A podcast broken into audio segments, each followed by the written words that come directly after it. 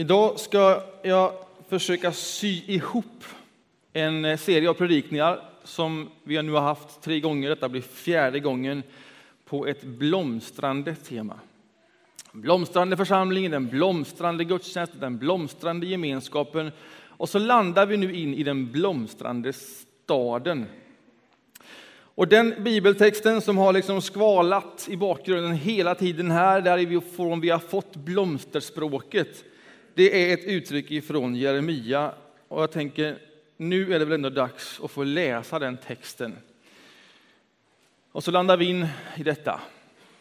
Det här är Gamla testamentet, en av de stora profeterna. Och från kapitel 29 läser vi.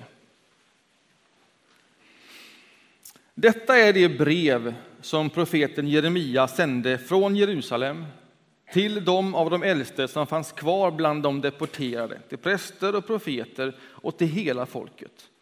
De som Nebukadnessar hade fört bort från Jerusalem till Babylonien. Och sen gör vi ett hopp. Och så kommer vi till innehållet i brevet. Så säger Herren Sebaot, Israels Gud till alla de deporterade som han fört bort från Jerusalem till Babylonien. Bygg er hus och bo i dem. Plantera trädgårdar och ät frukten från dem. Ta er hustrur och avla söner och döttrar. Ta hustrur åt era söner och ge era döttrar åt män så att de föder söner och döttrar. Bli fler där, inte färre. Gör allt för att den stad jag har deporterat er till ska blomstra och be till Herren för den. Ty dess välgång är er välgång. Amen. Den här bibeltexten har legat och skvalat hos mig, inte bara nu för fyra veckor, utan under en längre tid. Ibland är det ju så att någonting man läser, någonting man hör gör att man liksom man landar in där och sen blir man inte av med det på ett tag och det ligger och det har sitt eget liv. Den här texten är en sån text som har gjort det. Och jag tror att den för med sig ett budskap till oss, inte bara nu utan som församling där vi nu är, i den här tiden, i det här läget. För mig i alla fall är det en sån text. Och när man läser en gammal, gammal text som det här är, en profettext, så måste man vara lite försiktig om man tar den och gör mycket av den som vi nu har gjort. Så måste man vara försiktig vad man kan göra med en gammal text. Alltså man kan inte bara ta en gammal text och lyfta in den i ett nytt sammanhang och tänka man kan göra vad som helst med det som står där. Man måste först förstå i vilket sammanhang står den här texten. Det här står i det gamla testamentet. Hur förhåller sig det här till det nya testamentet? Vad kan man förstå ur en sån här text när vi läser den in nu och här? Och när det gäller en stads blomstrande? Det är ju liksom en viktig fråga att ställa sig. Om man läser bara snabbt igenom Gamla testamentet och Nya testamentet, om man gör en liksom på håll skissartad genomgång så kan man först få upplevelsen av att i början är allting väldigt fysiskt.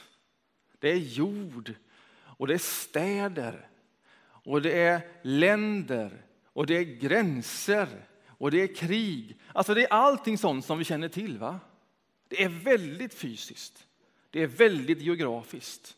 Så ser Gamla testamentet ut. Och sen när man går över till Nya testamentet så kan man om man är lite slarvig känna att nu blir det mer andligt. Nu är det inte geografi, nu är det inte gränser, nu är det inte länder, nu är det inte städer primärt. Nu är det någonting som händer här eller här. Eller. Följ mig. Och så är det en sån här sak. Och när vi citerar idag den kristna trons betydelse och vi läser tänkare, teologer, statsmän, typ Dag Hammarskjöld. Det är populärt i det sammanhanget. Och så läser vi honom och citat som den längsta resan är resan inåt. Så tänker man där. Och så har man liksom om man är oförsiktig, förflyttat liksom trons utveckling eller beskriver den som någonting väldigt påtagligt fysiskt, länder, gränser, till någonting väldigt internt och en inre resa. Ska man förstå rörelsen i Bibeln just så, från det yttre och till det inre? Ibland kan man tro att det är så vi beskriver eller vill tro. Så att tron blir till sist någonting privat. Alltså väldigt annorlunda mot hur det en gång var med ett folk. Ja, ni hör hur jag karikerar och förenklar bara för att skapa liksom en förståelse och risker i att läsa in olika utvecklingar. Och tron som någonting privat, det är någonting som dyker upp nu och då. Jag menar, I veckan är det hyperaktuellt. Och det är lätt att stå på sidan om och säga någonting om det som händer på en medial scen med väldigt journalistiskt tryck. Men man kan ändå kosta på sig att i all ödmjukhet ändå reflektera över när vi får en ny arbetsmarknadsminister och så ställer man frågan om kristen tro. Och så får man svaret reflexmässigt, det är privat.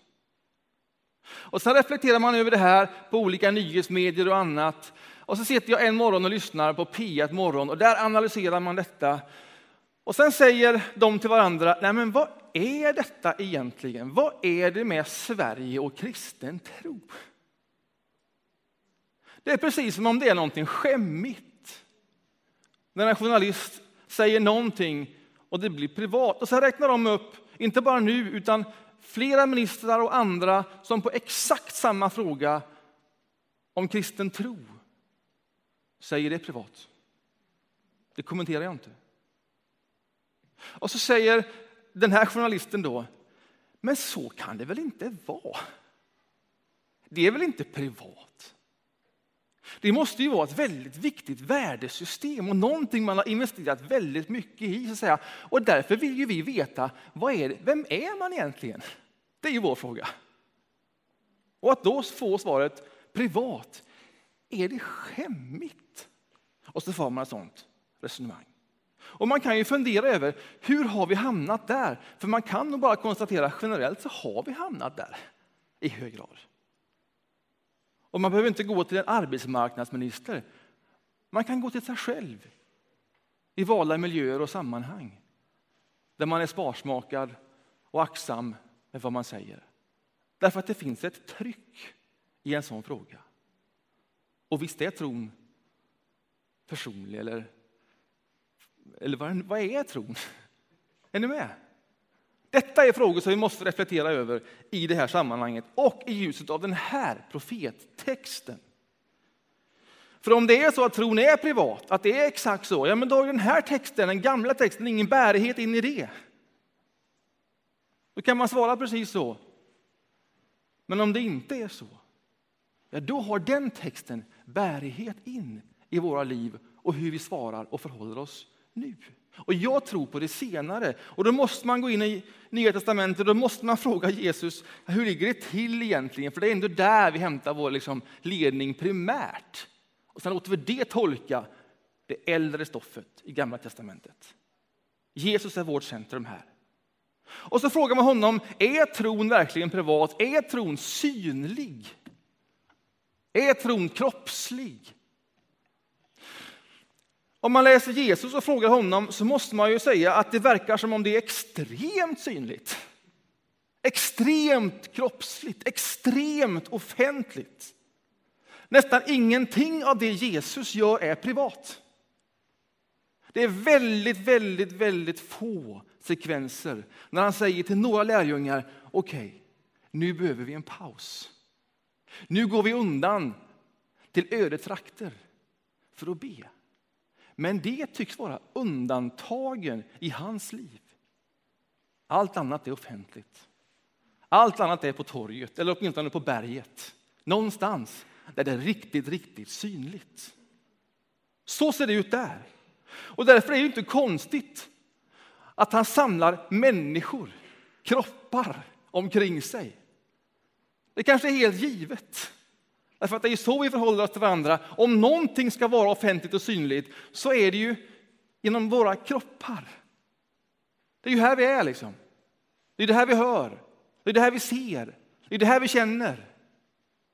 Så offentligt tycks Jesus vara och det tycks vara viktigt. Jag ska bygga min kyrka. Det är det som är hans ord. Det är det som är själva idén. Och så laddar han den här kroppen med undervisning om vad detta betyder. Och jag måste bara få läsa Bergspredikan, ett par strofer. Det här är som en sorts programförklaring, va? central undervisning hos Jesus. Du behöver inte slå upp det, du kan bara lyssna på det. Saliga de här, saliga, saliga, saliga, saliga. Och sen när han har sagt allt detta så säger han, saliga är ni när man skymfar och förföljer er och på allt sätt förtalar er för min skull. Det är inte privat, det han vill åt.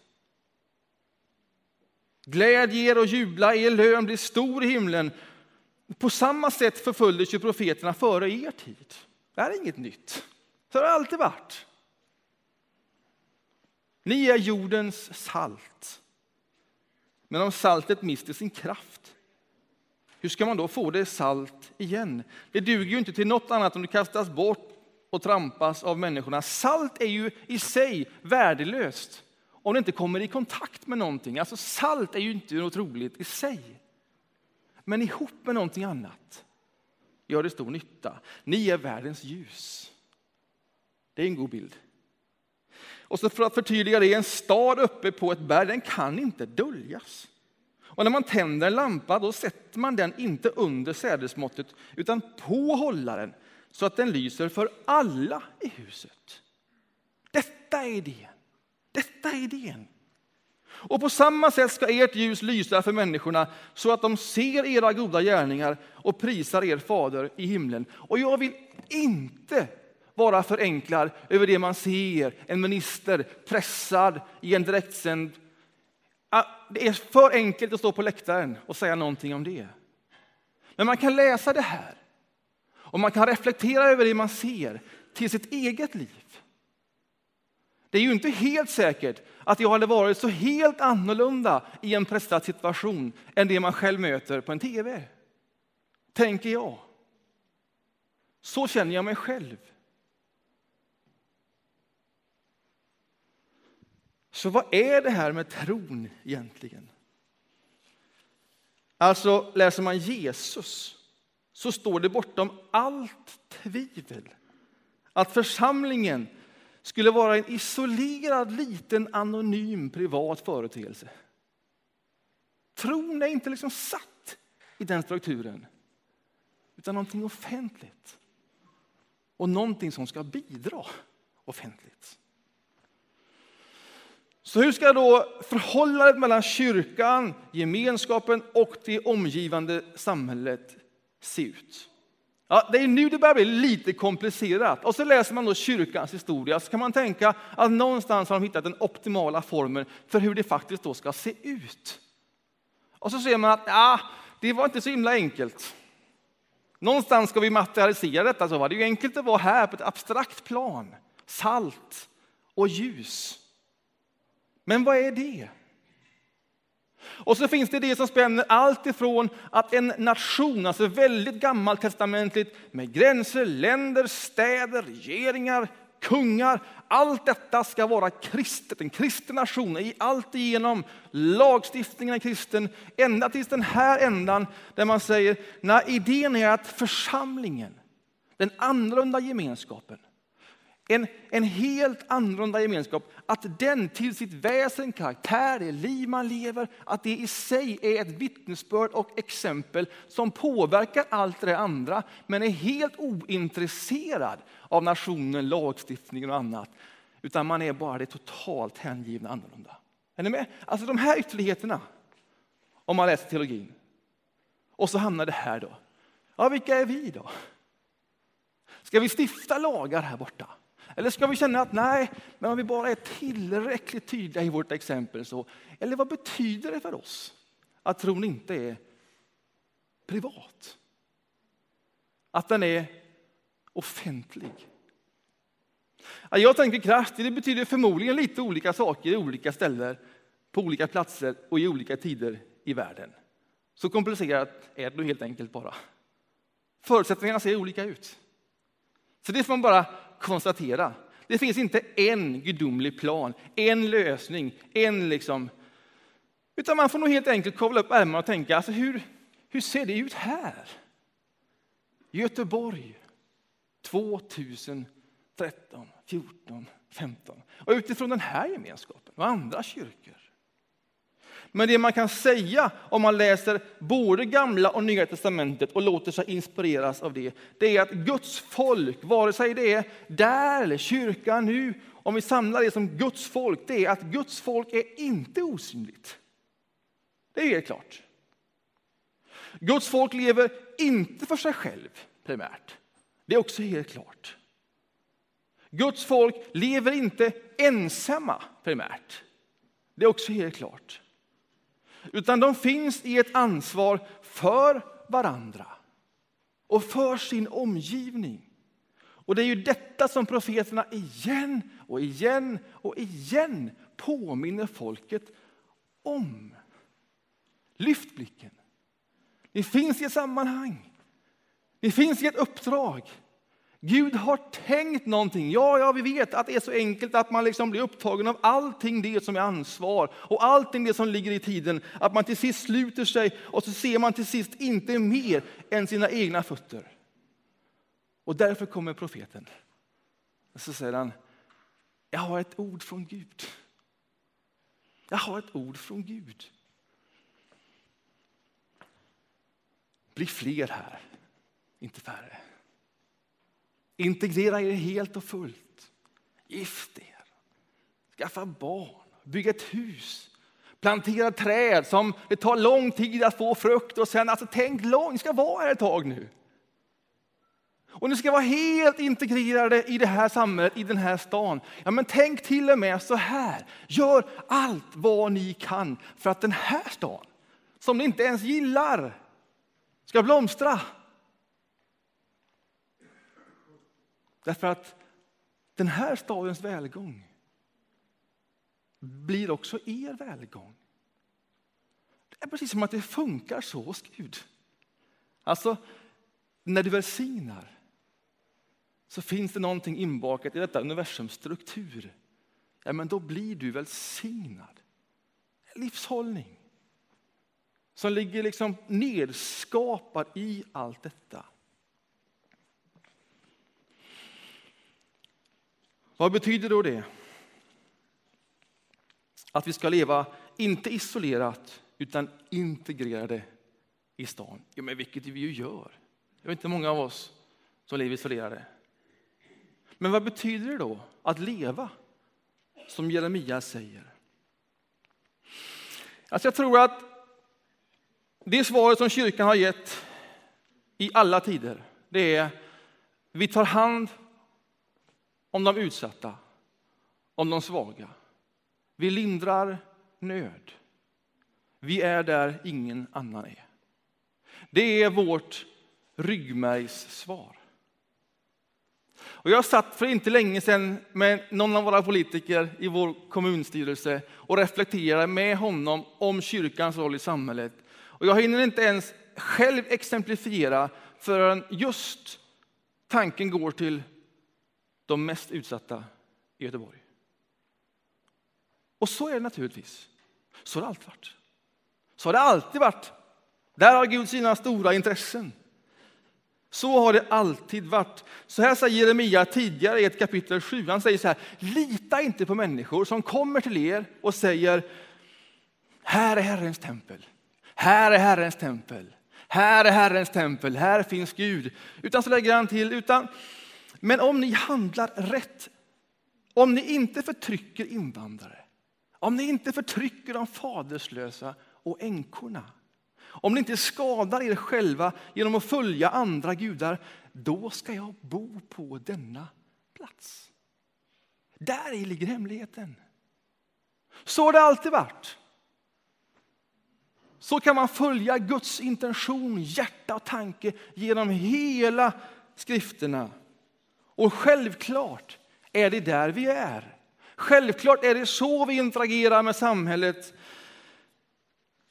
Men det som också behöver läggas till och som adderas i denna kapitel 29 hos Jeremia som gör det lite mer framåtlutat, lite mer aktivt, lite mer pro.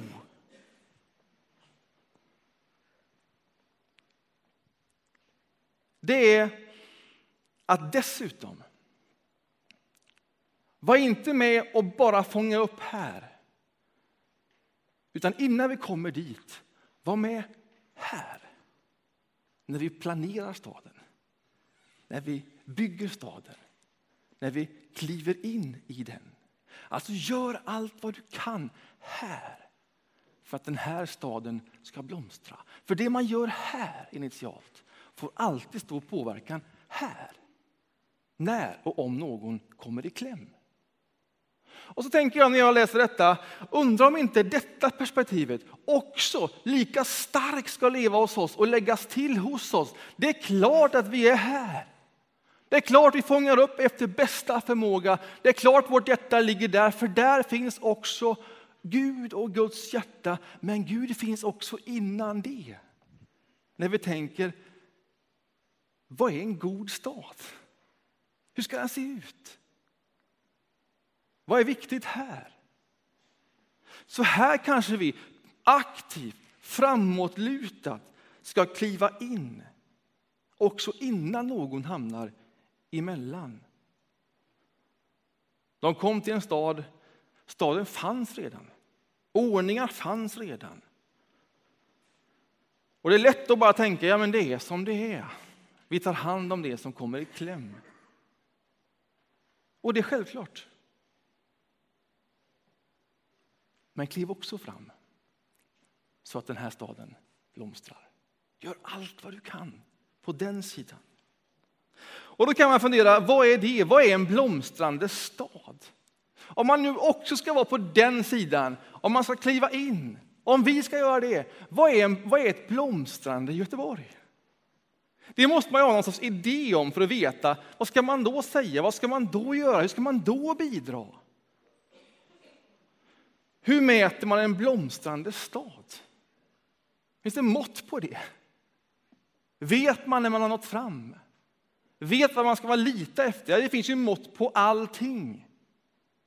Kanske det starkaste och vanliga måttet, nu blir det lite teoretiskt, men följ med mig här. Det är BNP. Bruttonationalprodukt. Jag är osäker på om det har predikats om bruttonationalprodukten tidigare i Saronkyrkan. Och bara helt kort, vad är det?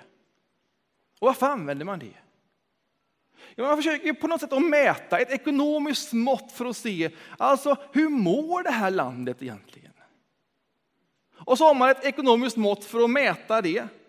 Och så tar man allting som vi gör i det här landet, allting som vi tillverkar och säljer och producerar, och så tar man det och så försöker man fördela ut det på alla invånare och så får man ett mått och så säger man ju högre det här är, så finns det ett samband mellan levnadsstandard och hälsa. Om vi har en hög BNP, ja men då är det ett gott land att bo i. Så är det själva idén. Och så mäter man Sverige med alla andra länder och så funderar man, hur gott är det egentligen att bo, alltså hur bra är det här jämfört med andra länder? Och så säger, ja men det är ganska bra, det är höga tal. Och naturligtvis är det så, därför att det finns sådana saker som korrelerar med detta. Men det vi alla vet också, det är att det finns stora begränsningar i ett ekonomiskt mått. Det vet alla.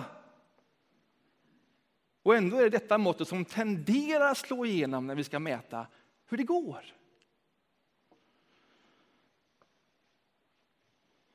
Det vi vet är att det mäter inte hur människor mår. Bland annat. Och det är också ett mått som är viktigt. Om det är en blomstrande stad vi vill åt. Så vem ivrar för det måttet som mäter hur vi mår? För det som påverkar mig är ju så mycket mer än vad jag lyckas producera under ett år. Eller hur? Ja, men det är vad som händer när jag kliver in på min arbetsplats. Alltså hur det känns handlar inte bara om hur mycket jag producerar. Det är ju andra parametrar som kliver in där. Och som gör att jag beskriver det här som en blomstrande arbetsplats eller inte. Den kan vara hur produktiv som helst. Vem är det som ivrar för sådana mått? Proaktivt, inte i efterhand, utan proaktivt, framåtlutat. Så här, vad är det som vi jobbar för och mot? Och då tänker jag så här. Detta skulle kunna vara vår mening som är fullständigt självklart, men som behöver påminnas. En stad kan aldrig växa på bekostnad av sina människor.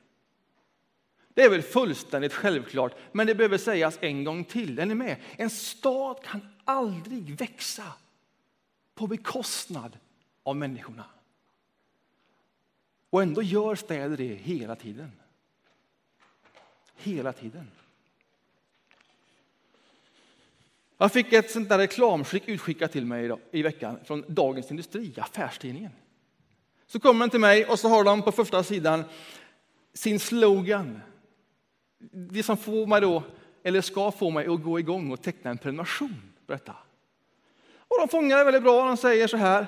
Vi ser affären i varje möjlighet. Vem vill, vem vill inte göra det? Det är klart man vill se affären i varje möjlighet. Va? Och de gör sitt yttersta i sitt journalistiska värv för att fånga affären i varje möjlighet.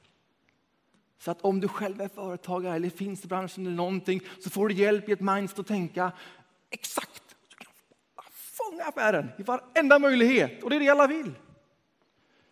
Och vi förstår det, vi bejakar det. Vi har ingenting emot affären.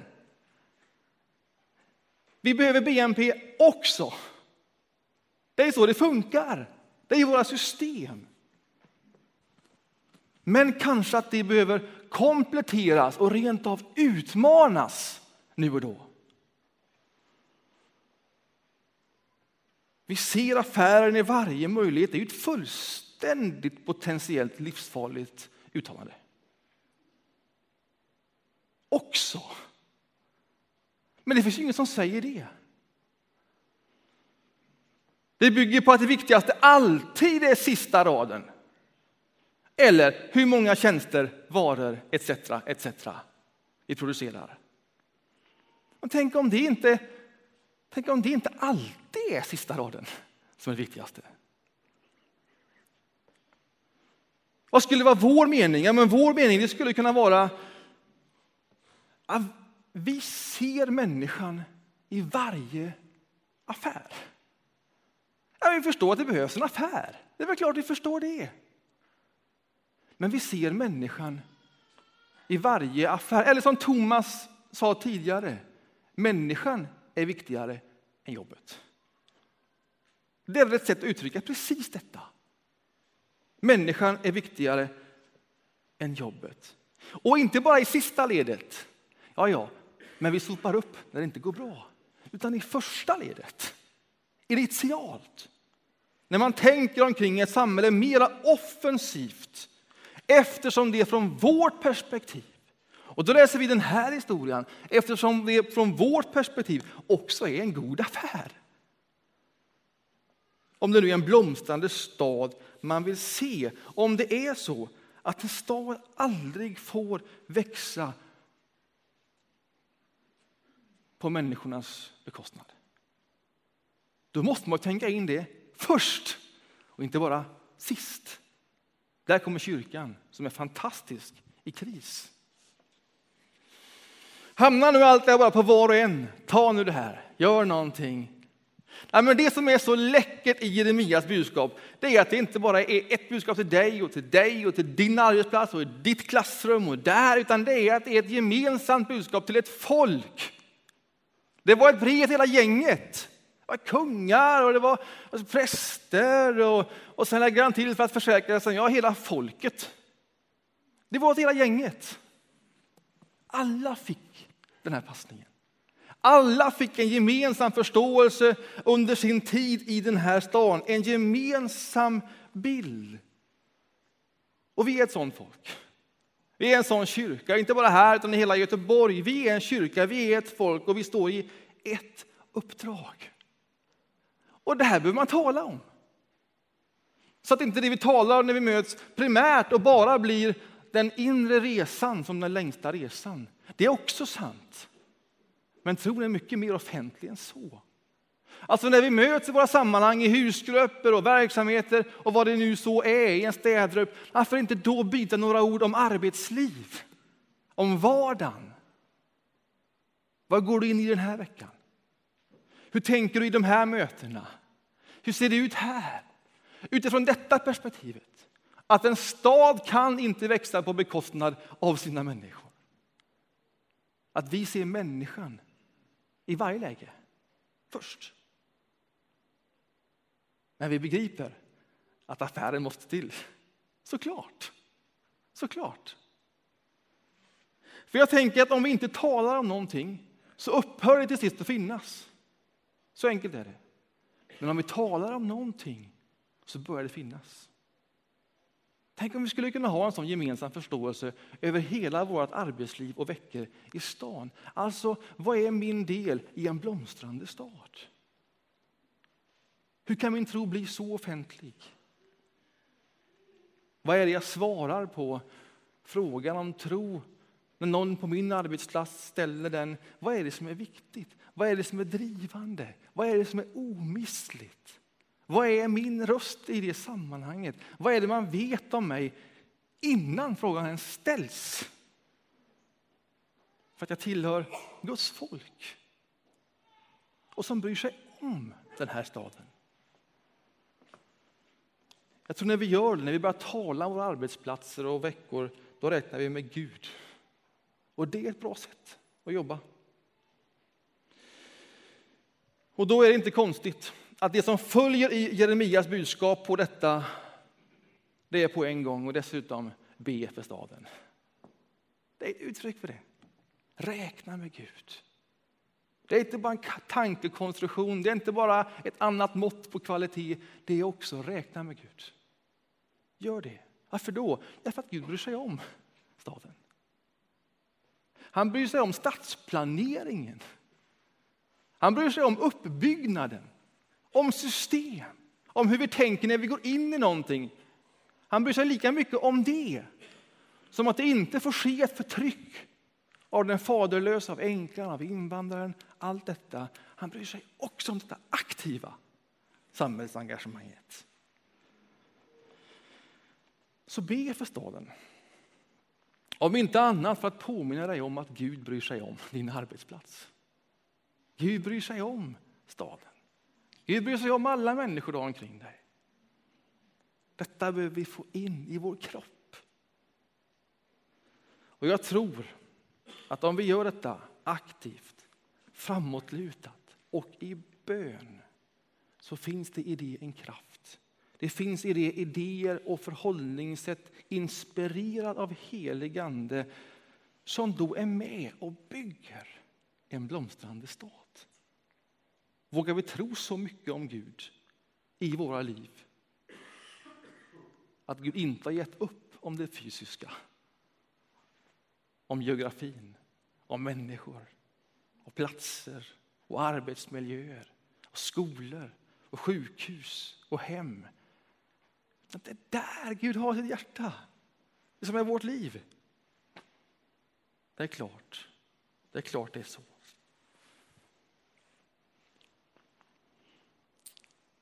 Ibland ber vi till sist, välsigna detta nu. Och jag tänker vi kanske skulle börja i andra ändan. Inte bara göra någonting och sen be Gud välsigna någonting, utan tänka vad är det Gud redan välsignar? Vad är det Gud redan gör?